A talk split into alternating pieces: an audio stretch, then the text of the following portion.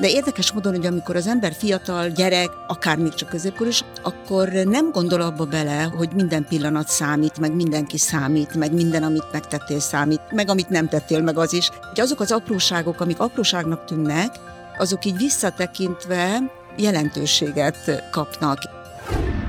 A jócsalságban őszintén szóval azért bele lehet hűlni. Téged mi óvott meg ettől? Szerintem a családi háttér, tehát az a józanság, amit hoztam magammal. Én évekig jártam német órákra ehhez a hölgyhöz, és egyszer nem készültem fel az órára, és azt mondta nekem, nem baj, hogy nem készültem fel, hogyha nem tanulok meg németül, nekem nem olyan fontos, én akkor is meg fogok élni a külsőmből. És ez engem akkor nagyon melbevágott. Ezzel az egy jól célzott mondatával elindított bennem egy folyamatot. És ez a folyamat a mai napig tart. Valahogy elindította bennem azt, hogy fontos teljesíteni. Az UNICEF Magyarország bemutatja Így lettem.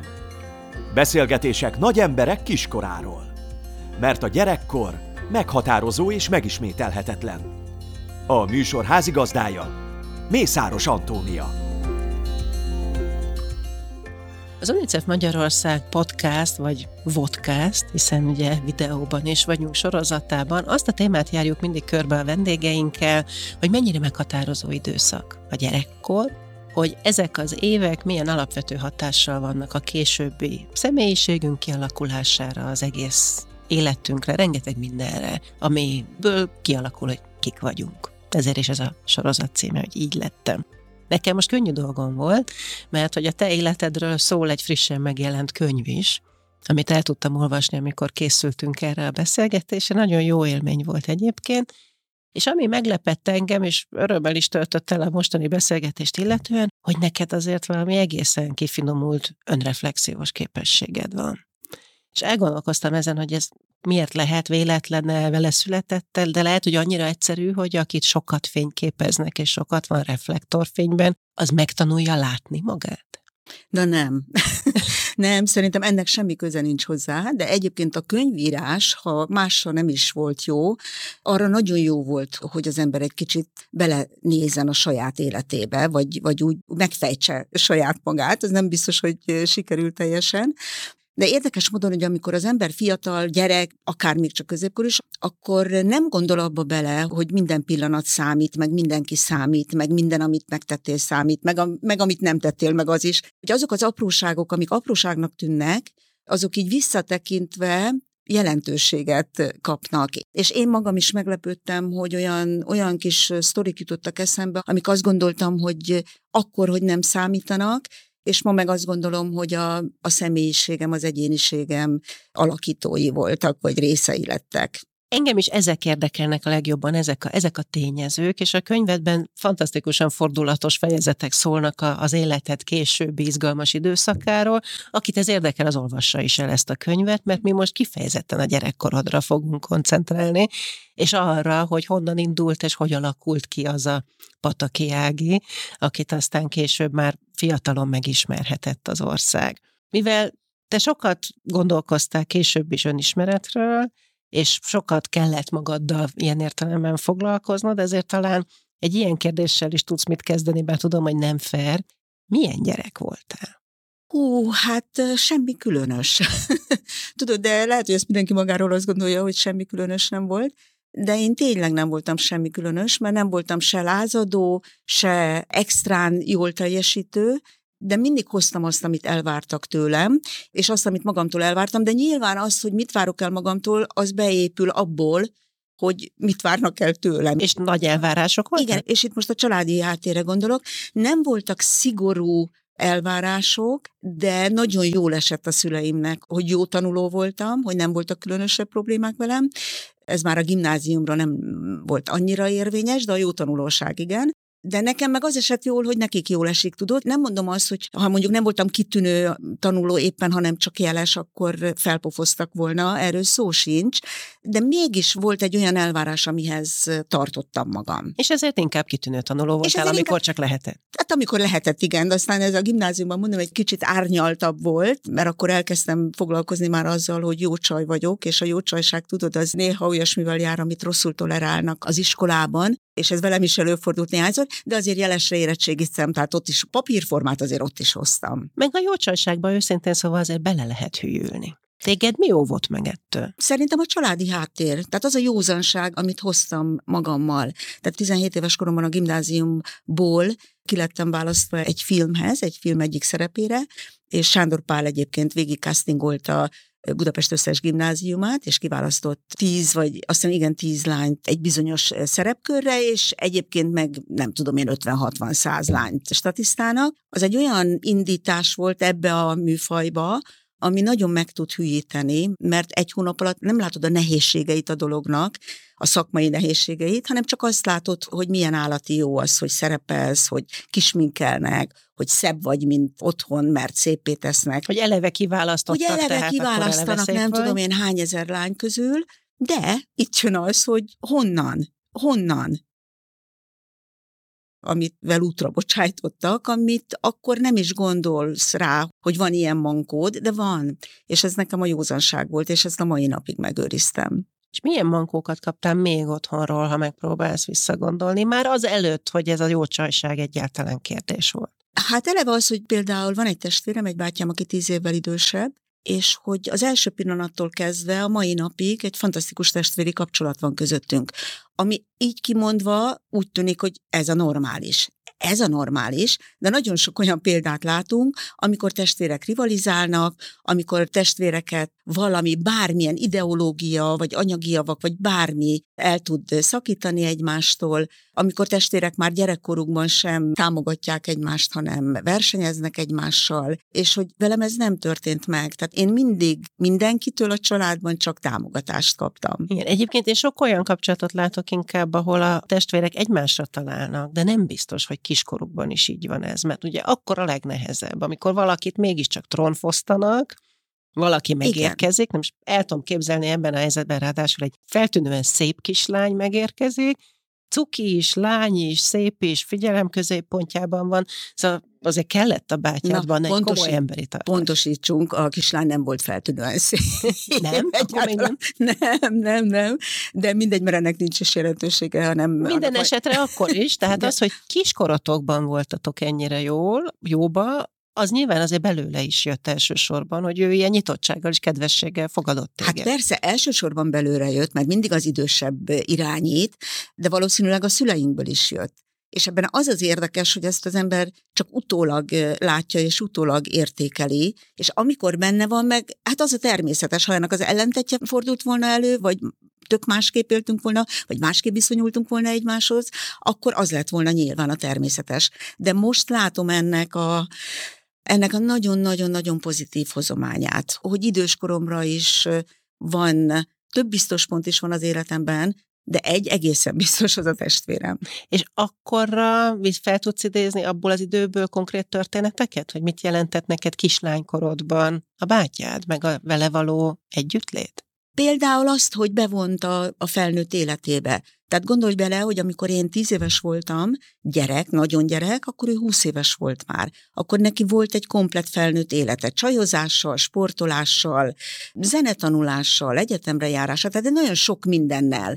És hogy annak én részesévé váltam azáltal, hogy a legtöbb helyre vitt magával, például elvitt sportolni, azt, azt a sportot kezdtem elűzni, amit ő is űzött, hogy néha elvitt a rendezvúira, mert épp unta, hogy a buszon egyedül jöjjön haza, gondolta, hogy arra még én is jó leszek, hogy kísérgessem őt. Szóval az, hogy én gyerekként részt vehettem valakinek, akit szerettem, akihez kötöttem, és aki viszont szeretett engem a, a felnőtt életében, az szerintem biztos, hogy az is hozzájárult ahhoz, hogy én milyenné váltam.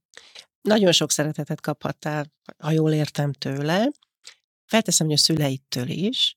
Olyan formában, mint amilyenben ma elképzeljük ezt a meleg családi légkört, mint ahogy te szereted a fiadat?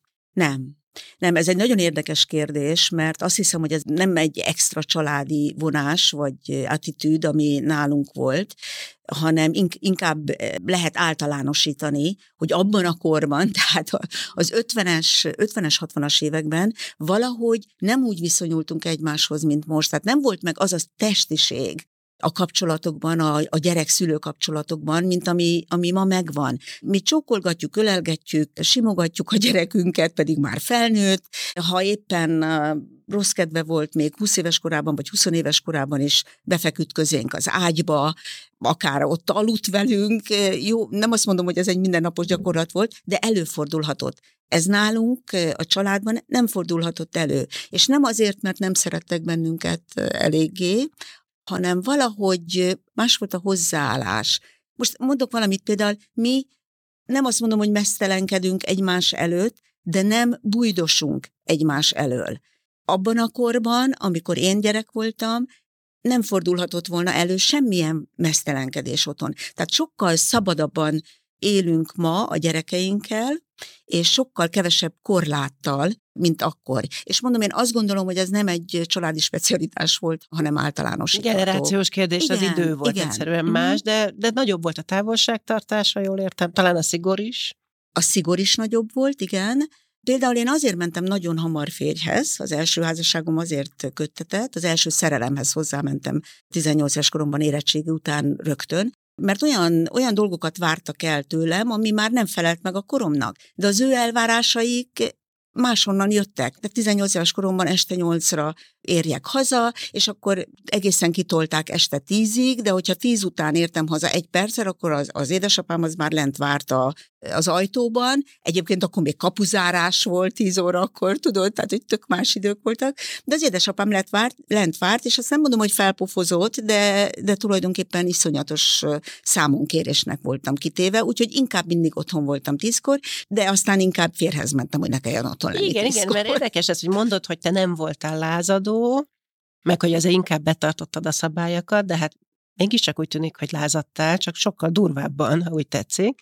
Mert nem azzal lázadtál, hogy háromszor nem mentél haza csak egy órával később, hanem azzal, hogy amint lehetett, amint jogi eszközök nem voltak arra, hogy téged a gyerekkorodban tartsanak, akkor robbantál, mentél, váltottál bele, léptél egy teljesen más életbe inkább. Igen, és ennek mi a megfejtése? Az a megfejtése, hogy teljesen felesleges a felesleges szigor. Tehát, hogy mindig a, mindig a szülőnek kell mérlegelnie, mert ugye neki van több tapasztalata meg esze, hogy mi mit ér meg. És ők nyilván féltésből és szeretetből voltak szigorúak velem, és vártak el teljesen felesleges dolgokat, ami tulajdonképpen hova vezetett? Egy korai házassághoz, és, és aztán válláshoz. De visszatérve egy picit az egész korai időszakba, a, a, a kislány, kora kislánykorodba, amikor még nem csak ez a későbbi lázadás nem volt, de még a jó csajság se volt, meg semmi más nem volt, akkor mivel lehetett neked örömet szerezni? Hát például imádtam május 1 felvonulni, lufikkal, tudod, akkor még így a dolgozókat, Emlékszem. A dolgozókat kivezényelték. De ez, aztán... ez én időmben is voltak meg.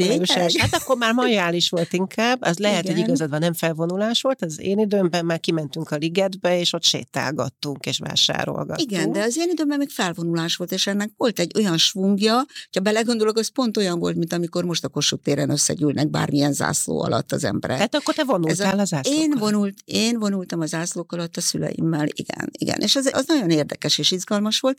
Ezt most azt nem mondom, hogy felemelő, de hát minden, mindenképpen sokkal színesebb volt, a, mint, mint egyébként az év többi napja. Úgyhogy azt imádtam, hogy mit szerettem még. Hát szerettem a bátyámmal időt tölteni a Dunán, mert ő evezett? Mert ő evezett, igen, igen, és oda hurcolt magával mindig, és azt, azt nagyon-nagyon szerettem. Nagyon érdekes volt, azt nem mondom, hogy ez nagyon szerettem, de hogy nagyon érdekes volt a rokonokkal való összejárás.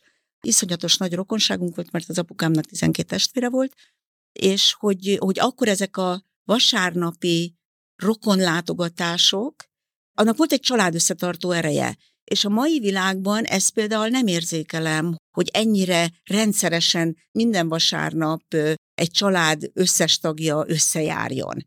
De akkor ez volt a, tulajdonképpen a szórakozás, hogy, hogy a pasik kártyáztak, a, a csajok nem tudom, mit csináltak, már, már nem emlékszem, semmit beszélgettek, a gyerekek megjátszottak együtt. Szóval, hogy annak volt egy sármja ennek a vasárnapi összejöveteleknek. Meg nyilván egy milliója. Egy milliója, az a világ, tudod, a sütikék, te... amiket, amiket végigkóstolhatott az ember. A gondoskodás, az érdeklődés, a rokoni érdeklődés. Kik voltak? a családod, a szüleid? Melósok. A szüleim már nem, ők már, az apukám az, az gazdaságigazgató volt egy kutatóintézetben. És a 12 testvér közül ő volt kvázi a kiemelkedett? Ő kiemelkedett, igen, mert ő, ő főiskolát végzett, de a többiek nem, tehát a többiek azok elsősorban melósok voltak. Az anyukám az az egészségügyi minisztériumban dolgozott, meg előtte a fővárosi tanácsnál, akkor még tanácsnak hívták, a fővárosi tanácsnál dolgozott administratív munkakörben, tehát ők azért már egy ilyen középosztálybeli életet éltek és biztosítottak nekünk, a család többi tagja társadalmi hierarchiában lejjebb volt, és szegényebbek is voltak. De volt aztán egy része, akik például az anyukám testvére, akik falun éltek, tanyán éltek, de felkerültek Pestre, és nagyon szépen boldogultak, és a gyerekek már egyetemet, főiskolát végeztek. Ilyen is is, hogy volt, aki ki tudott kavarodni, például a tanyasi életből, és volt, aki meg nem tudott, hanem végig egész életében mondjuk munkás maradt. Viszont akkor valószínűleg ez a szigor, amiről mesélsz, meg az elvárások, azok innen is jöttek hogy ők még a társadalmi mobilitást azt, azt egészen a saját bőrükön érezték és élték meg, és ott még az kérdés volt, hogy ez a generációkon keresztül előre vegye a családban, vagy vissza.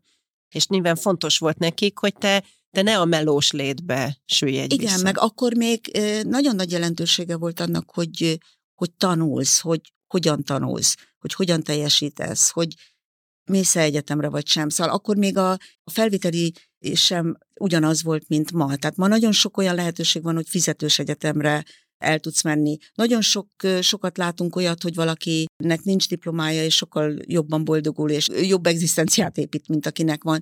Ma ez egy, ez egy sokkal árnyaltabb dolog, mint akkor volt, és a szüleim látták önmagukon, hogy attól, hogy tanultak, attól előbbre tudtak jutni, és ezért várták el tőlünk is ugyanezt. És konkrét olyan elvárások is voltak, hogy ők mit szeretnének, hogy te mit tanulj, mi legyen belőled, milyen pályát válasz? Nem, ez úgy szépen kifejlődött, megadták azt a lehetőséget, hogy nyelveket tanuljak, külön tanárt fizettek. Egyébként, ami ma már olyan vicces, mert mindenki tanul nyelveket, és ma már érettségi után rengeteg gyerek beszél legalábbis angolul, tehát ma már nem olyan nagy dolog nyelveket beszélni, de abban az időben a, a múlt században, és főleg így az 50-es, 60-as években, az egy teljesítmény volt, hogyha valaki valamilyen nyelvet beszélt, és leginkább azok beszéltek nyelveket, akik jó családból származtak, értelmiségi családból, ők viszont azzal, hogy minket tanítottak és nekünk megadták ezt a lehetőséget, próbálták ezt a hátrányt úgymond ledolgozni.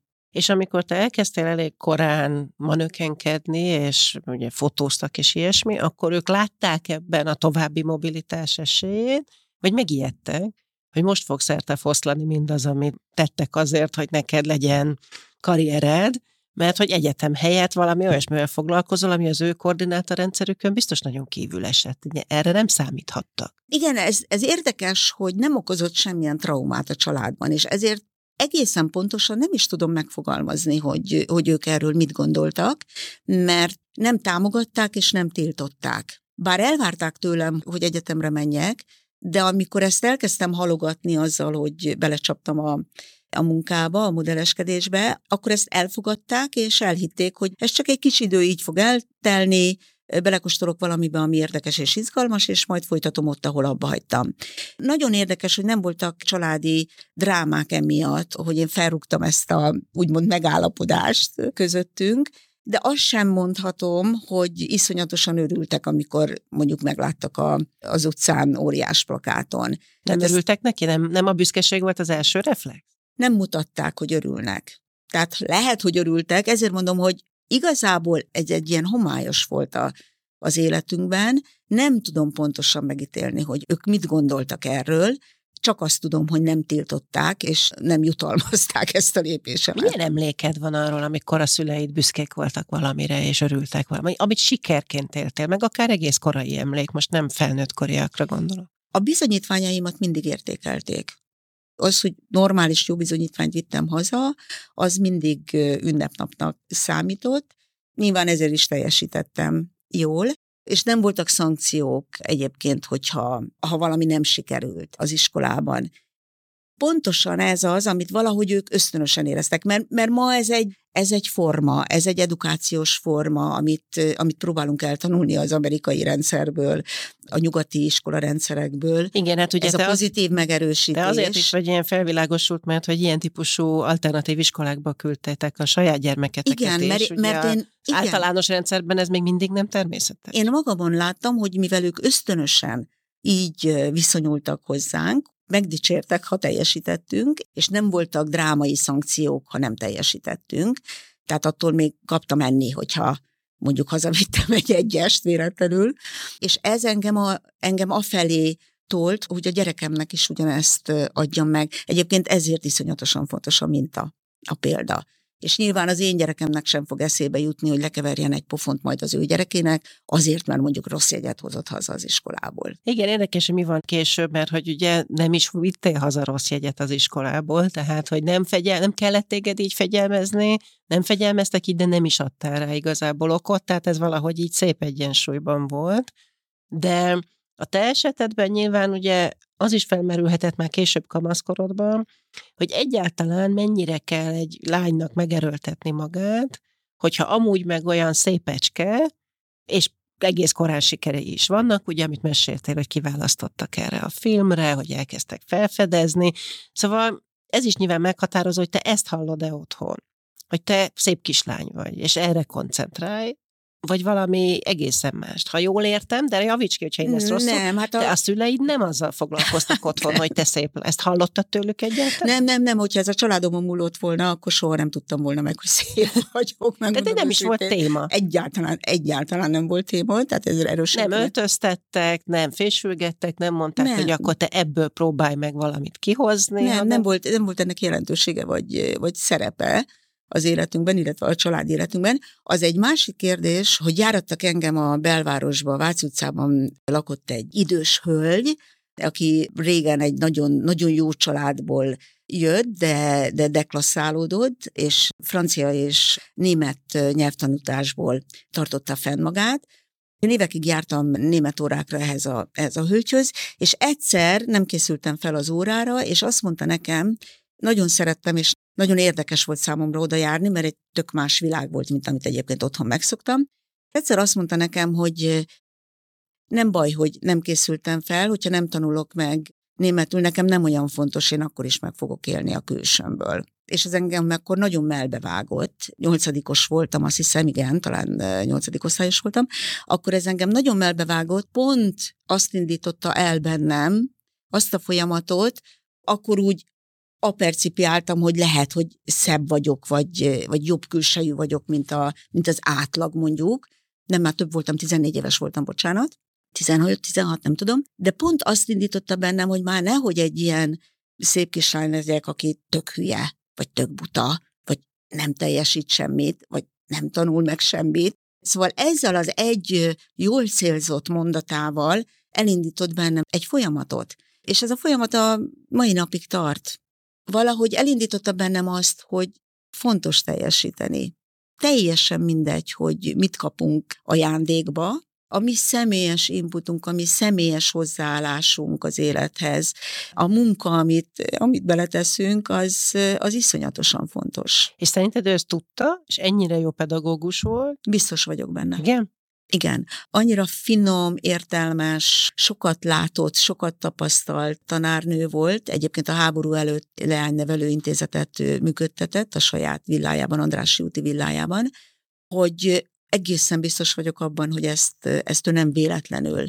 Évek óta jártam már hozzá, ismert engem, tehát egészen biztos vagyok benne, hogy ezzel szándéka volt, és elérte a szándékát. És azt mondod, hogy innen eredeztethető talán az a az az eltökéltség is, amivel te aztán később bizonyítottad is, hogy egy lehetőségként fogtad fel azt, amit a külsőd adott, és utána építkeztél rá. Igen, és egyébként, egyébként... vittél először, és vállalkozásokat, ugye akkor se sok nő vállalkozott egyébként, sőt, akkor aztán végképp nem sok nő, aztán ráépítettél erre újabb és újabb karriereket, ahol már egyáltalán nem számított, hogy ki hogy néz ki. Egyébként érdekes módon, hogy ez elindított egy rossz folyamatot is olyan értelemben, hogy belekergetett engem olyan dolgoknak az elolvasásába, meg olyan filmeknek a megnézésébe, ami még viszont korai volt csak a levegőben ott volt egy csomó olyan, tudod, most Dostoyevsky, Kerouac, mit tudom, Ginsberg, tehát hogy egy csomó olyan dolog, ami akkor azt gondoltam, hogy nekem, hogy valaki legyek, vagy egyáltalán, hogy értelmesnek tűnhessek, ahhoz ezeket mind el kell olvasni, és olyan filmeket megnézni, amiket nem is értettem meg akkor,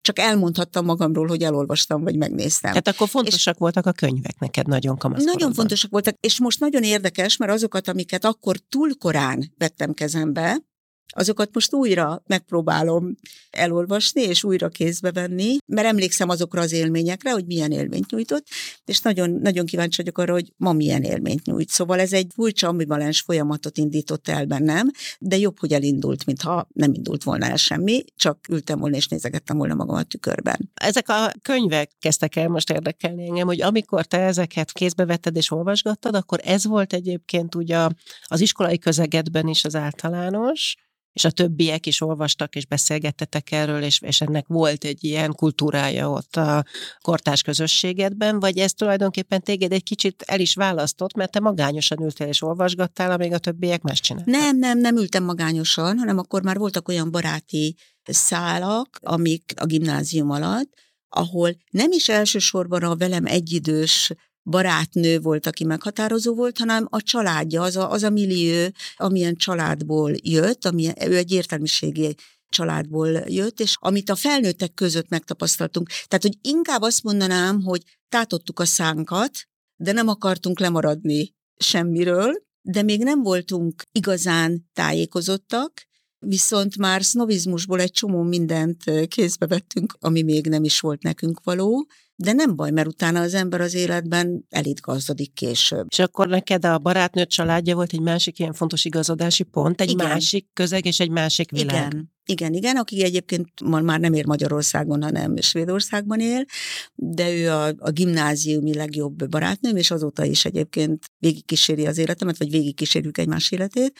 Nagyon fontosak és meghatározóak vagyunk egymás számára, szintén jó tanuló volt, és az ő családi légköre. Egyébként a mamája egyedül nevelte őket, csak a mamája ápolt olyan barátságokat, amik iszonyatosan érdekesek voltak. Egy ilyen igazi értelmiségi légkör lengte körül őket, és... És oda téged befogadtak? Hát ebben. persze, hát miért ne fogadtak volna be, hiszen, a bará... hiszen barátnők voltunk. Tehát, hogy az pont, pont az volt a lényeg annak a családnak, hogy egy iszonyatosan nyitott, befogadó család volt. Tehát én lehettem volna akármilyen, jöhettem volna akárhonnan, egészen biztos, hogy befogadtak volna, és ez az amit ott nagyon alaposan megtanultunk a barátnőmmel együtt. Én nem vagyok egyébként ebben biztos, hogy ez mindig természetes volt akkor, de erről persze kevesebbet tudhatok, vagy természetes lenne ma, hogy a generációk ennyire nyitottak egymás felé. Mert nagyon sokszor azért inkább úgy van, nem, hogy a fiatalok legyenek el egymással, a felnőttek pedig hát végképp a gyerekeik barátait a saját baráti körükbe, a saját társadalmi életükbe azért nem feltétlenül vonják be. Szerintem ma már sokkal inkább,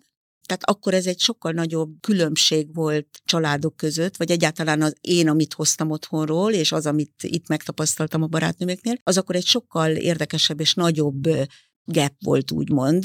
Ma már legalábbis mi a saját gyerekeink életében sokkal közvetlenebbül és sokkal intenzívebben részt veszünk, illetve fordítva is elmondható, hogy ők sokkal intenzívebben részt vesznek a mi felnőtt életünkben, mint ahogy ez mondjuk 50 évvel ezelőtt volt. És akkor neked is fontos például anyaként ezek szerint, hogy ismerd a fiat barátait, Nekem nagyon baráti fontos. körét, hogy olyan eseményeket szervez, ahol ezek a generációk egyszerre lehetnek Nagyon jelen. fontos. Figyelj, én, én, de én kíváncsi is vagyok rájuk. Tehát engem érdekel, hogy ki milyen, honnan jött, hova tart, mit akar, mit csinál, mit nem csinál tehát igazából érdekelnek azok a körök is, ami, ami a fiamhoz tartozik, és nem hozzánk. Egy nagyon nyitott személyiségnek ismerhetnek meg téged ma azok, akik a nyilvánosságból ismernek, és amit most elmesélsz, ez is ebbe az irányba had, de közben, ha a könyvedbe gondolok bele, akkor mégiscsak úgy jellemezted magad, mint aki legalábbis az elején egy kicsit szorongó, kicsit merev, kicsit görcsös lányka volt, nem is feltétlenül lányka, mert azt írtad, hogy te nem akartál mindenáron nő lenni, nem akartál ilyen klasszikus női szerepeket, meg lánysablonokat, de hogy, hogy akkor lehetett benned egy csomó minden ilyen feszültség. Az az igazság, hogy a legmélyén a mai napig is van, tehát a személyiségem az egyáltalán eredendően nem olyan könnyed, mint amilyennek tűnök ma. Tehát én, én ezt a nyitottságot, ezt egy kicsit tudatosan is építem magamban, mert azt tapasztalom az éve, a hosszú évek során, hogy ez nekem csak hoz és nem víz. Tehát minél nyitottabb vagyok, és minél több dologban veszek részt, és minél több fele terjesztem ki a, a kapcsolataimat, az érdeklődésemet, annál izgalmasabb és érdekesebb az életem, és annál több pozitív élmény is ér. Persze ehhez kell egy jó környezet, ehhez kellenek befogadók, ehhez kellenek segítők, ehhez kellenek olyan társak, akik nem, nem visszahúznak, és nem azokat a személyiségi jegyeit erősítik az embernek, amiket le kell küzdenie, ilyen például a görcsösség, meg a, meg a szorongás, meg az aggódás, hanem az ellenkező irányba befolyásolják, és én olyan szerencsés vagyok, hogy valahogy mindig, mindig rátaláltam. Nyilván meg volt bennem az igény, de mindig rátaláltam ilyen társakra. Most a társat nem feltétlenül szerelemre értem, arra is egyébként, tehát a mostani kapcsolatom, mostani párkapcsolatom, a házasságom, az nagyon-nagyon jó irányba terelt el engem, és vitt egy nagyon, nagyon jó irányba. De én most gondolok itt pont ezekre a régi gyerekkori baráti kapcsolatokra is, például amiről az előbb beszéltem, hogy egy olyan millióbe kerültem be, ami nagyon izgalmas és érdekes volt, és nagyon idegen, és más volt, mint amihez szoktam. De ha az ember ápolja magában ezt a nyitottságot, és esetleg hajlandó a fáradtságot venni, és, és megismerni olyan dolgokat is, ami először nem tűnik sem szimpatikusnak, sem elfogadhatónak, akkor szerintem ezzel, ezzel szépen lassan előre tud haladni, és szépen lassan a saját életét is megkönnyíti. Most mondok egy nagyon furcsa példát, hogy pont ebben a családban tapasztaltam azt meg, a másságot, hogy ott voltak olyan barátok, akik melegek voltak. És ez a, ez a 60-as években egy majdnem, hogy büntetendő volt, de hát senki nem, sem, nem, nem hogy büszkék nem voltak rá, nem megpróbálták palástolni ezeket a kérdéseket, és ebben a közegben ezt teljesen nyíltan kezelték, és gondolj bele, hogy én, én tizenévesen tanulhattam azt meg, hogy hogy kell ezekhez a dolgokhoz viszonyulni, ahelyett, hogy még mindig esetleg ezzel a kérdéssel küzdenék. Mert nagyon sokan, akik nem tanulják meg, hogy ezt hogy kell kezelni, azok életük végéig küzdenek ezzel a problémával. És nem azoknak lesz rosszabb esetleg, vagy feltétlenül rosszabb, akiket negatívan ítélnek meg, hanem aki ítélkezik, annak is nagyon rossz lesz. És te se otthonról hoztad ezek szerint nem. ezt a fajta nyitottságot, toleranciát, megértést, meg ezt a világ szemléletet, nem. Hanem ez gyakorlatilag kaptad menet közben, Abszolút. először a barátnő családjától, és másoktól, akiket megkerestél magadnak. Érdekes, hogy úgy hangzik nekem, és ugye a könyvedből is ezt hámoztam ki, hogy neked a természetes komfortérzeted az elég szűk lehetett először. Hogy sok minden keltett benne diszkomfortérzetet, nem tudom, hogy akkor láttad-e magadat ennyire pontosan, vagy ezt később raktad össze, hogy azért egy, egy feszengő, szorongó, sok minden nehezebben megélő kislány vagy, de benned volt az a céltudatosság, hogy változtatni akartál ezen, és kitetted magad azoknak a helyzeteknek amikor ki kellett lépned a komfortzónádból. Nem is, nem is változtatni akartam, mert egyébként a diszkomfort érzetet azt nem lehet nem tapasztalni. Szóval, hogy mondjam, az, az nem egy utólagos felismerés, hanem azt, amikor benne van az ember, azt tapasztalja. Az egy másik kérdés, hogy az hogy kezeli. Hát, hogy tudatosítja, hogy ez most mi, és hogy ezzel ez, kezdek igen, valamit, vagy igen. egyszerűen csak elmegy onnan, ahol nem érzi magát teljesen jól. Igen, de kezdjük az alapoknál, hogy például én, az én adottságaim egyáltalán nem predestináltak arra, hogy modell legyek bár akkor még nem voltak olyan, olyan szigorúak az elvárások, vagy olyan, nem voltak olyan szigorú mércék, mint ma vannak, hogy ennyi kilónak kell lenni ennyi centihez, de már akkor sem voltam modellalkat, és mégis erre a pályára tévedtem, és, és azért 20 évet eltöltöttem benne, ami Guinness rekordnak számít. Azért hozom fel ezt a példát, mert ezt nagyon könnyű megérteni. Ez mindig is okozott frusztrációt, de valahogy mindig abból indultam ki, és hogyha most a legutolsó példának pont a könyvírásra tudnék ugyanígy rámutatni, hogy mindig abból indultam ki, hogy hagyatkozni kell sokszor a döntéseink meghozatalánál olyan emberekre, vagy olyanokra, akik jobban értenek valamihez, mint mi. Ha engem hívtak, ha én kellettem, ha én kelendő voltam, ha engem ismertétettek, akkor valószínűleg ennek mégis volt létjogosultsága. És akkor is ezzel nyugtattam magam, hogy itt olyan szakemberekkel állok szemben, most a Rothschild Klári nénit kiemelve, de egy csomó olyan fotóssal állok szemben, akik nyilván jobban meg tudják ítélni, vagy jobban meg tudnak engem ítélni, mint én önmagamat. Egy nagy ugrással a könyvemre térjek, hát egyáltalán nem gondoltam azt, hogy tudok könyvet írni, és arra sem gondoltam, hogy szeretnék könyvet írni. De a Libri, amikor megkeresett, hogy vállalkozunk közösen egy, egy ilyen dologra, akkor először csípőből nemet mondtam, de aztán e, ugyanúgy elgondolkodtam, mint a modellfelkérésen 50 évvel ezelőtt, hogy hát lehet, hogy ezek szakemberek is értenek hozzá, hogy lehet, hogy erre van igény, lehet, hogy ennek van értelme. És biztosítottak arról, hogy, hogy adnak mellém egy olyan szerkesztőt, aki nekem segíteni fog, aki támogat, és adta, Orosz Ildikó személyében, és hát létrejött a könyv, és az eladások azt bizonyítják, hogy volt értelme, hogy van helye a piacon, anélkül, hogy minősíteném a saját könyvemet, vagy bárkitől elvárnám, hogy minősítse. Persze vannak az emberben szorongások, létezik kisítőség, de a kisítőséget meg a szorongást azt le kell győzni arra kell törekednünk, mert ugye az sem baj, ha túl, vagy az is nagy baj, hogyha túlértékeljük magunkat, de valahogy mindig meg kell állni egy pillanatra, és kell önismeretet tartani, és valahogy arra kell törekednünk, hogy legyőzzük a kisítőséget, de ne becsüljük túl magunkat, ne váljunk beképzelté. És neked legyőzni a, a saját gátlásaidat gyakran sikerült ezzel a módszerrel, amiről Igen. most is beszéltél? Nem biztos, hogy arra gondolsz, hogy kérdezni fogok, hogy mások bevonásával? Tehát, hogy azáltal, hogy, hogy csapatban neki futni a kihívásoknak? Hogy magad mellé engedni többeket? Na nem erre gondoltam, igen. Gondoltam. Nem erre válaszoltam. Nem, nem feltétlenül vontam be másokat, hanem inkább én gondolkodtam el azon, hogy mások hogy viszonyulnak bizonyos kérdésekhez meg hozzám. De például, most, hogy így rákérdeztül a mások bevonására, igen, tehát például a, a karriereim, mert ugye különböző karriereket futottam be, kiépítésében mindig mások is jelen voltak. Tehát semmit nem egyedül vittem, semminek, semmilyen sikernek nem vagyok az egyedüli birtokossal, csak Pedig ugye, ugye percepció, jobban. percepció mondjuk egy fotomodell esetében abszolút az, hogy ott áll egyedül a képen. Ott áll egyedül a képen, és szembe áll előtte a fotós. Vagy ott áll egyedül a kifutón, de ahhoz kellett egy Rothschild Klári néni, aki, aki meglássa bennem azt, hogy nekem egyedül kell állni a kifutón. Vagy ott áll az ember egy filmszereppel, ahhoz kell egy rendező, aki, aki lássa bennem a tehetséget. Speciál ez nem fordult elő, mert nem voltam tehetséges, tehát hogy olyan szerepem nem volt. Ja, ami, már hogy úgy érezted, hogy színészként Igen, igen, ami értékelhető lett volna. Az én életemben ez nem jó példa, de csak példaként hozom fel.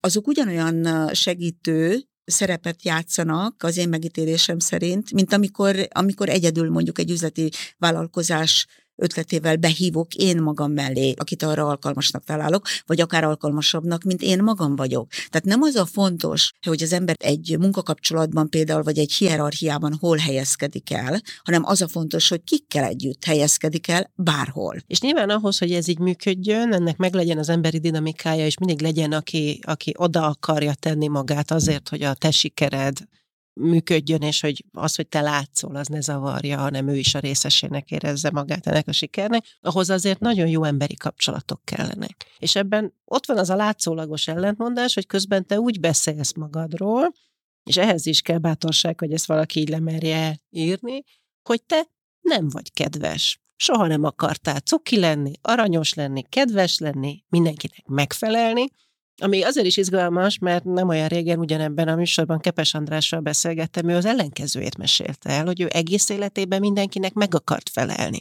Azt akarta, hogy szeressék. Azt akarta, hogy jó dolgokat gondoljanak róla. Nagyon fontos volt, és ezt kellett elengednie.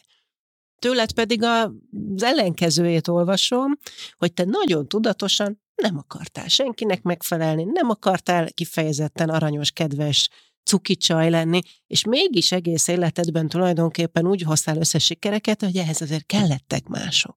Nem feltétlenül a cukiság. Hát nyilván valami, nem, valami igen, működik, igen. csak a titkára Tehát, hogy, vagyok hogy kíváncsi. Ez az én személyiségemből ez abszolút hiányzik. Tehát én, ha cuki vagyok, az legyen gyanús.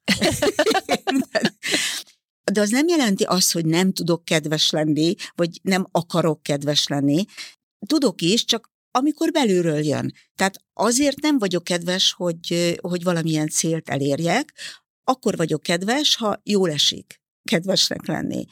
és nagyon sokszor jól esik, és minél jobb emberekkel van az ember körülvéve, mint például most nagyon szuper családi életben közepén ülök, akkor nyilván sokkal inkább és sokkal többször esik jó kedvesnek lenni. Tehát én ezt a cukiságot, kedvességet, ezt inkább úgy értem, hogy nem, nem akarom ezt kiépíteni magamban tudatosan. Van egy csomó minden, amit tudatosan kezelek önmagamban, például az önismeretet, de például ez nem tartozik azok közé. És feltétlenül megfelelni sem akarok. Az nem jelenti azt, hogy imádom a konfliktusokat, és hogy próbálom bevonzani a konfliktusokat, Szóval egy kicsit, kicsit azért hagyok a természetemnek is teret. Nem kontrollálok mindent magamban, elég az, amit egyébként is kontrollálnom kell. És ez már kislánykorodban is így van? Igen. Igen, tehát nem emlékszem arra, hogy édes lettem volna. Arra emlékszem, hogy voltam ilyen is, meg olyan is. Tehát én arra emlékszem a gyerekkoromból, hogy hogy voltam hisztériás is, meg voltam kedves is, meg voltam zárkózott is, meg voltam nyitott is. Tehát inkább arra emlékszem, hogy sokfajta voltam, mint arra, hogy aranyos lettem volna. Hogy éppen milyen vagy, az a közegektől is függött, mert hogy úgy tűnik, hogy neked sok világod volt párhuzamosan. Volt otthon, először egy lakótelepen, aztán a belvárosban, lehet, hogy érdekes, ha erről is mesélsz egy kicsit erről a váltásról. Ezek szerint volt a barátnőd családja közege, és volt egy tanyasi közeg is, ahol sok időt töltöttél. Ez a sok arc, ez ezeknek függvényében is változott? Azt gondolom, hogy attól, hogy ilyen sokfajtát tapasztaltam meg, sokfajta életformát tapasztaltam meg gyerekkoromban, az valószínűleg nagyon hasznos. Mert ettől, talán ettől, de hát ez most megint egy ilyen önismereti kérdés, amit most itt hirtelen felvetettél, és ezt így igen, azért merem boncolgatni, mert mondtad, hogy az önismeret neked igen, milyen igen. fontos. Tehát, hogy ezt egyébként tényleg ezt jó lenne, ha meg is fejtenénk itt rögtön az asztalnál, hogy lehet, hogy pont ezért, hogy ilyen sok mindent tapasztaltam meg, ezért váltam egyre nyitottabbá. Ezért vagyok, ha nem is feltétel nélkül toleráns, mindennel szemben, de talán toleránsabb, mint az átlag, mert nagyon sok mindent tapasztaltam meg gyerekkoromban. Ami természetesen akkor nem tudatosult bennem, tehát ezt most, hogy így felteszed a kérdést, most, most megfejtésként próbálom mondani, hogy, hogy talán, talán ebből is fakad nagyon sok minden. Nagy váltások voltak ezek? A tanyavilága, a panelvilága, a belváros, és így tovább? Nagy. Eleve az, hogy egy pesti gyerek nyaranta le van csapva a tanyára, egy szál klotkatyában rohangál le föl, szerintem az is egy nagyon nagy váltás. Az, hogy egy lakótelepen élünk tíz évig, és tíz év múlva beköltözünk a, az ötödik kerületbe, és iskolát váltok, és az ötödik kerületbe egy ilyen elitiskolába kerülök, az is, a, a, akkor még ezt nem gondoltuk elitnek, csak ezt ma, ma fogalmazok így, az is egy nagyon nagy váltás, és nem feltétlenül az iskola miatt, és nem feltétlenül a, a körülmények miatt, mert a körülmények különösebben nem változtak, mert egy normál méretű, normál lakásban laktunk itt és ott is, legalábbis annak az időnek megfelelő normál lakásban, hanem hogy egy más közegbe kerültem, más embereket ismertem meg, mások lettek a barátaim. Meghatározó volt az, hogy abban az iskolában kikhez csapódok, vagy kik csapódnak hozzám, kiknek, kiknek a családi életébe pottyanok bele mert ugye a barátságok erről is szólnak, hogy, hogy más családokhoz, vagy a szerelmek, hogy más családokhoz is elkezd kötődni az ember, másokat megismer, és az én életemben ez ilyen nagyon de széles spektrum volt, amit bejártam. Az én gyerekem például már egyáltalán nem jár be ilyen széles spektrumot. Tehát az én gyerekem belenőtt egy jólétbe, a mi családi közebünkbe, és a mi baráti közegünkbe. Nem látom azt a, azt a spektrumot, amit az én gyerekkorom biztosított, és ez egyáltalán nem biztos, hogy, hogy ez így jobb. Az sem biztos, hogy rosszabb. Igen, annak alapján, amit mesélsz, tulajdonképpen te ebben az értelemben is sok nyelvet beszélsz. Igen. Nem csak abban az értelemben, hogy németül, spanyolul, angolul, stb., hanem hogy beszéled azoknak a közegeknek a nyelvét, amiket megéltél. És ettől biztos, hogy mindenki több lesz, és toleránsabb lesz, és világlátottabb lesz, de ha téged ez így foglalkoztatott, akkor anyaként próbáltál valami fajta megoldást találni arra, hogy hogyan tudsz ebből is adni a gyerekednek? Hát nem igazán.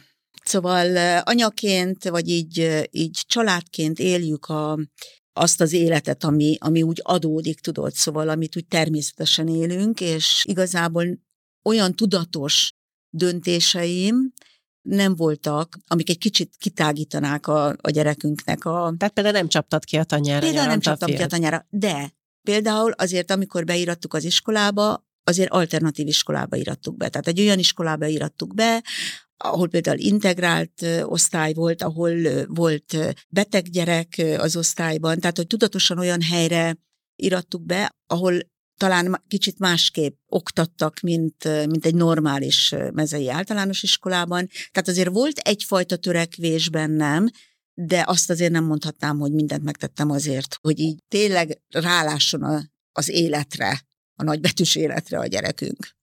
És ez foglalkoztatott akkor egyébként? Vagy azóta foglalkoztat? Hogy mennyire másképp tehát, nőnek föl ma már ezek a generációk, főleg akkor, hogyha sokkal jobban skatujába születnek? Igen, szóval gondolok rá, amikor, amikor jönnek a barátai hozzánk, hogy egyáltalán kapcsolatunk van a barátaik, mert nagyon szeretjük a, és a barátait is nyilván, de akkor mindig elgondolkodom azon, hogy ezek mind értelmiségi, jómódú gyerekek. Ugye az alternatív iskolákban is ezeknek a családoknak a gyerekei és járnak, ezeknek tehát a család... lehet, hogy mozgássérült van. van köztük, de azért alapvetően érzékeny értelmiségi családok keresik ezeket az intézményeket. Így van, így van. Tehát tulajdonképpen azt nem mondom, hogy egy zárt világban él, mert nagyon is nyitottan élünk, és érdekesen élünk, és izgalmasan, de hogyha ebből az aspektusból nézzük, akkor akár még zártnak is nevezhetem. Milyen anya vagy? Egyébként? Hogy látod magadat ebben a minőségedben? Hát nem vagyok az ideális anya. Mert az ideális anya milyen? Az ideális anya olyan, aki mindent tud, tudod? Tehát, hogy olyan van?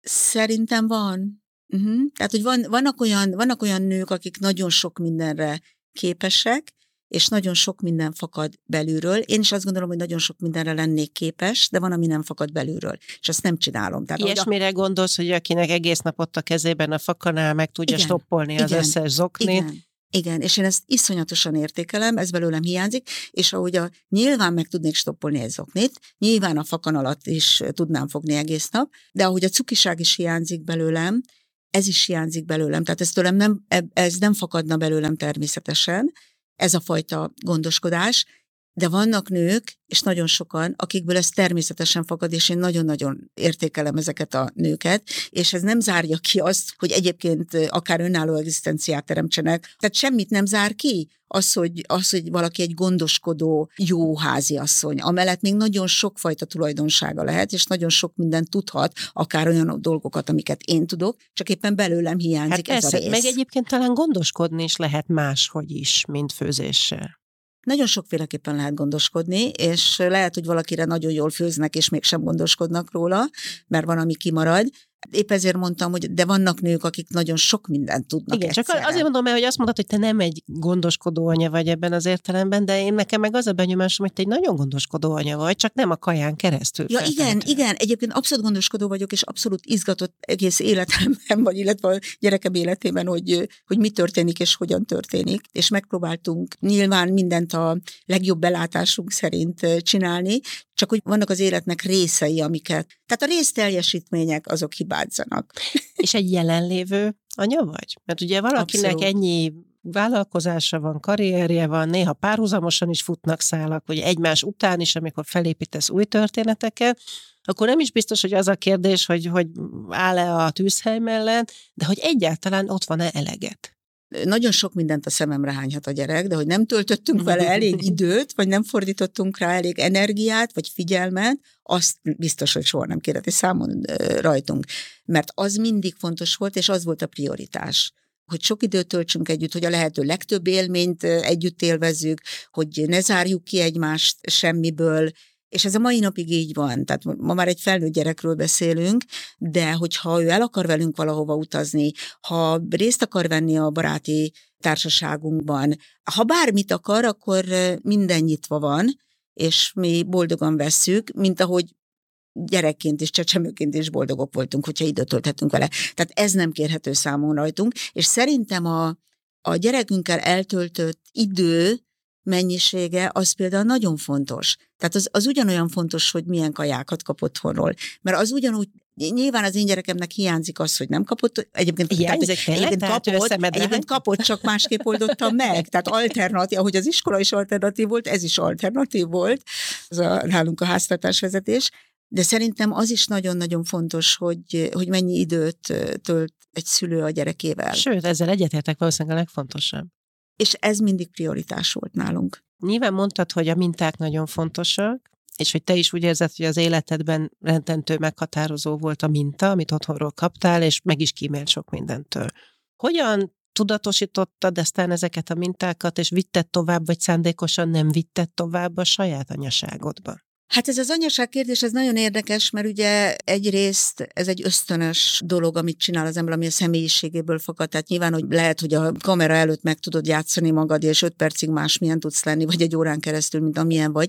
Tehát nyilván egy családi életben olyan vagy, amilyen, ott azért elég nehéz más arcot mutatni. Tehát egyrésztről ugye kapta a gyerek, meg a férj, meg, meg mindenki azt, amilyen, amilyen vagyok, de ez nem jelenti azt azért, hogy nem volt semmilyen tudatossága például a gyereknevelésben. Például nálunk egy, egy iszonyatosan nagy kérdés, nagy kérdés volt az, hogy milyen iskolába íratjuk, tehát ezen hónapokig rágódtunk, mert ennek vannak, mint ahogy te is mondtad, hogy ott is tulajdonképpen korlátok közé kerül, hiába akarjuk kinyitni ezeket a korlátokat, más korlátokat kinyitunk, de bizonyos korlátokat megállítunk. És ilyen volt például az is, amikor a gyerekünket beírattuk amerikai iskolába, magyar iskola helyett ami ugye egy nagyon nehéz kérdés, mert amerikai iskolába milyen magyar gyerekek járatnak, csak nagyon jó módú magyar gyerekek, viszont ennek a másik oldala, hogy rengeteg külföldi gyerek jár, rengeteg nációt ismerhet meg, rengeteg szokást, rengeteg fajta embert, ami meg sokkal könnyebbé teszi majd a, a világban való elhelyezkedését. Egyszerűen nyílik ki, zárul be a világ, mert Így a nemzetközi van. világ kinyílik, Igen. a magyar társadalomnak viszont egy Így nagyon van. szűk szegmensével Igen. találkozik. Tehát, hogy mi mit ér meg, és hogy ez egy nagyon-nagyon komoly vita volt közöttünk is, a férjemmel, az nem azt jelenti, hogy egymással vitatkoztunk feltétlenül, hanem próbáltuk felsorakoztatni az érveket mellette meg ellene. Illetve nem is mellette meg ellene, hanem az amerikai iskola mellett és a magyar iskola mellett, mert minden, minden ellen is szól. Ez például, hát ezt nagyon tudatosan hoztuk meg ezt a döntést, és az, hogy jól döntöttünk-e, ez ugye fekete-fehéren sosem fog kiderülni, mert a másikat nem próbáltuk ki. Hát legalább azt a kockázatot elkerülted, ami engem például anyaként foglalkoztatna a nemzetközi iskolával kapcsolatban, hogy most arra predestinálom-e a gyerekemet, hogy hátra hagyjon engem és külföldön élje le az életét, és a ti fiatok itthon maradt. Annak dacára, hogy ezeket az ajtókat kinyitottátok előtte, és felteszem, anyanyelvi szinten beszél angolul. Igen. Hát természetesen, hogy ez akkor is mérlegeltük, hogy ennek az a legnagyobb veszélye, hogy, hogy nem marad itthon a gyerek, hanem, hanem kimegy. Ilyenkor kell elővenni az embernek a józan eszét, és nem abból a szempontból mérlegelni, hogy neki majd mi lesz jó, hogy öregkorára itthon van elérhető távolságban a támasza, vagy pedig az ő szemszögéből nézni ezt, és az ő szemszögéből nézve, én ezt nem, egyáltalán nem tartom drámainak, hogy valaki kint kezdi a karrierjét, vagy bárhol a világot máshol él, és nem itthon. Én örülök annak, hogy itthon van, és nekünk nagyon jó, hogy itthon van, de nem tartanám egyáltalán drámai lépésnek, hogyha valahol máshol. És készen álltatok arra, hogy azért hozzátok meg ezt az egyébként tetemes áldozatot éveken keresztül, hogy a gyereketeket esetleg elmenedzseljétek a messzeségbe. Igen. De itt is visszaköszönni látom a, a családi mintát azért, most, hogy így kiműveltem magam az életedből, hiszen, és ez engem megérintett egyébként, amikor olvastam, hogy a te szüleid, és ez nem lehetett akkor se könnyű, se természetes, most se biztos, hogy az lenne. Maguk is hoztak egy elég nagy áldozatot, más típusút, amit akkor lehetett, amikor te álltál a felnőtt lét kapujába, meg a testvéred, és ők magukat hozták egyre hátrányosabb helyzetbe újabb és újabb költözésekkel, hogy a ti életetek elinduljon valamerre. Igen, hát az én szüleim az önfeláldozás példái, és az önfeláldozásról szobrot állítanék valamikor, akkor a szüleimet mintáznám meg, Nekik az volt a lehetőségük, hogy úgy teremtsenek nekünk jobb feltételeket, és úgy tudjanak minket jól elindítani az életben, hogy ők közben hátrányosabb helyzetbe kerülnek. Ők visszaléptek Mert abból, amit elértek a maguk így van, számára. Így van. Ők mindig valamit eladtak, és egy rosszabb körülmények közé költöztek azért, hogy például a bátyámnak háza legyen, és úgy tudjon elindulni, vagy amikor én úgy döntöttem, hogy férhez megyek, akkor lakásom legyen, és úgy tudjak elindulni, és hogyha még ma is nagyon nagy dolog az, hogyha valaki úgy indul, hogy nem a lakásért kell küzdenie, és nem albérletről albérletbe kell költöznie, hanem a saját otthonát megteremtheti, de akkor ebben a ebben az időszakban a 70-es, 80-as években ez egy iszonyatosan nagy dolog volt, és nagyon nagy áldozat volt.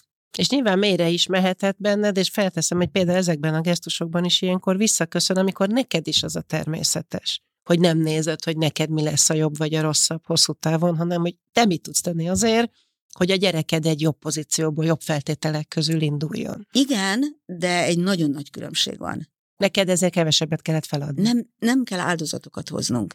Döntéseket kell hoznunk, és lehet, hogy olyan döntéseket kell hoznunk, ami esetleg ránk nézve kedvezőtlenebb, vagy lehetne, hogyha csak a saját érdekeinket néznénk, akkor, akkor lehetne más döntéseket hozni, de ezek nem áldozatok, és ez nagyon-nagyon nagy különbség. A mi szüleink pedig áldozatokat hoztak, és nagyon sok család, ahol, ahol az egzisztenciális problémák meghatározóak, ott ezek az áldozatok felbecsülhetetlenek. És nyilván a mai napig is van ilyen. Hát és, és, és van, ahol ez nem megy ez másképp, csak az, csak az áldozatok ez ára. De hogy beszéljünk egy kicsit arról is, amit nem akartál továbbvinni vagy megőrizni. Ezért feltételezem, hogy például a szigorúságból, a keretekből azért próbáltál sokkal kevesebbet teremteni, mint amit te megéltél. Hát ezt a gyerekemtől kéne megkérdezni, mert azért ő szerinte én szigorú voltam, és, és, és szigorúak voltak az elvárásaim, és keretek is voltak. Ebben Kovács Gábor a férjem sokkal lazább volt, de ő egyébként is gyerekkorában is amerikai iskolába járt, tehát hogy ő eleve máshogy szocializálódott, mint én, és, és természetes, hogy nem állított szigorúbb feltételeket a gyerek elé, mint, mint amit ő megélt egyébként gyerekkorában. Meg egyébként is gyakori ez a szereposztás, nem? Hogy valamelyik a két hogy valamelyik közül a két az engedékenyebb, valaki a szigorú. Így van, így van. A mi esetünkben én voltam a szigorúbb. Nem voltam nagyon szigorú, csak egy gyereknek minden, ami szigorúság, az nagyon szigorúnak tűnik, tudod? Mert hát ha még szigorúbb lettem volna, akkor azt tűnt volna szigorúnak, vagy hogyha kevésbé, akkor azt tűnt volna annak, tehát ez ugye nagyon relatív. De nem voltam nagyon szigorú, de azért elvártam, hogy teljesítsen. Tehát például elvártuk azt, hogy, hogy egyetemet végezzen, elvártuk azt, hogy mastersz legyen. A más kérdés, hogy nem azt csinálja, amit tanult, mert azt nem várjuk el. Tehát azt gondoljuk, hogy most már felnőtt, készen van, és az ő döntése, hogy mivel akar foglalkozni, de a feltételeket azért szerettük volna megteremteni. Szülői hatalommal való visszaérés ez egy, egyébként, ezért szülői hatalommal ezt tényleg elvártuk tőle, de teljesítette is. Most, hogyha ez pszichés problémákat okozott volna, vagy őrületes nagy probléma lett volna neki, akkor nyilván mi is revidiáltuk volna ezeket az elvárásokat, de szerintem ezt így elég jól megoldottuk közösen. Ugye a szabadságnak ezek a, a nagyobb kérdései, amik később jönnek, de ez ott kezdődik el, amiről te is meséltél a saját gyerekkoroddal kapcsolatban, akár, hogy mondjuk hányig lehet este távol lenni. Ezekben a ügyekben hogy lőtted be, hogy mi az, ami, amit azért te is üdvösnek tartasz, de nem az a típusú szigor, ami téged például konkrétan elkergetett a szülői házból? Hát itt nagyon sok csalfaságot követtünk el vele szemben, mert elméletileg engedtük, tehát például mondjuk a szigetre is elengedtük egyedül, vagy nagyon sok helyre elengedtük egyedül. Mondjuk egy fiúk nagy... lehet, hogy könnyebb is. Hát azért a fiúk se könnyű, nem a fiúk se könnyű. Más típusú, de veszélyek mindenkire leselkednek. Nagyon sokszor leselkedtünk is, tehát olyan értelemben nem leselkedtünk utána, hanem, hanem kimentünk a szigetre és felügyeltük távolból. Ez nem esetett nehezetekre, mert szerintem ti magatoktól Egyébként is, is mentünk a szigetre, igen, de, de nagyon sokszor koncentráltunk rá. Vagy hát éveken keresztül az volt a megállapodás, hogy mehet ahova akar, de mi megyünk érte. Szóval, hogy nem engedtük, hogy taxival vagy bárkivel jöjjön haza, hanem ha hajnali négykor, akkor négykor beültem a kocsiba, és, és elmentem érte. Tudod, próbáltuk ezt a, ezt a jófej szülőt játszani, de az aggódás azért végig kísért bennünket is. És most, hogy van mögötted egy sikeres élet, három sikeres pálya legalább. És meg még előttem is van, meg várjál. Előtted még ki tudja, hány pálya van, mert te azért elég, és most kezdtél éppen egy még újabb vállalkozásban, Igen. illetve egy most már talán mondhatjuk, hogy jól felnevel gyerek, milyen üzenetet juttatnál vissza az időben, ha erre lenne lehetőség? Tudjuk, hogy nincs, de ha eljátszunk a gondolattal, és visszajutathatnál akár a szüleidnek, akár saját magadnak, vagy mindkét címzethez, egy néhány jól irányzott mondatot, ami talán segítene akkor, ami talán oldhatott volna valamit például abból a feszültségből, amit neked így aztán évtizedek munkájával kellett leküzdeni.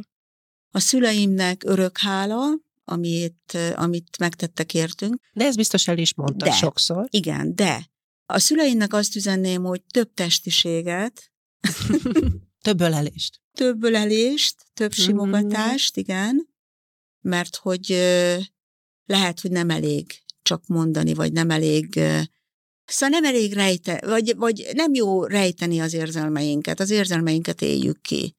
És ők szerintem nem élték ki kellőképpen az érzelmeiket, de ezt nem hányom a szemükre, ez csak egy, ez csak egy üzenet megfogalmazása. Nagyon nehéz, mert az alaptermészetem az, hogy így van jól, ahogy van. Tudod, és, és nagyon nehéz innen, tehát hogy én jól vagyok, jól érzem magam, imádom a családomat, imádom a karrieremet, tetszik, amit csinálok, vannak terveim, tudod, szóval, hogy nagyon nehéz bármit is. Olyasmire gondolok, amit jól esne hallani, nem? Hiszen a te esetedben végképp nincsen helyrehozni való, nem arról van szó, hogy meg kéne változtatni aztán a későbbi eseményeket, csak amit szívesen hallottál volna. Nem hiányzik semmi. Ezen az egyen kívül, hogy a család életnek körülbelül úgy kell zajlania szerintem, ahogy a miénk most zajlik, és, és a gyerekkorom nem pont ugyanígy zajlott, ezen kívül semmi olyat nem tudok mondani, ami alapvetően hiányzott volna. Hát ezt kívánom mindenkinek. Nagyon szépen köszönöm, hogy itt voltál. Köszönöm én is. Ha tetszett a beszélgetés, iratkozz fel a YouTube csatornánkra. Kövesd az Így lettem további epizódjait, oszd meg és lájkold a videókat, az unicef.hu oldalon pedig megnézheted, hogy te mit tehetsz a gyerekekért.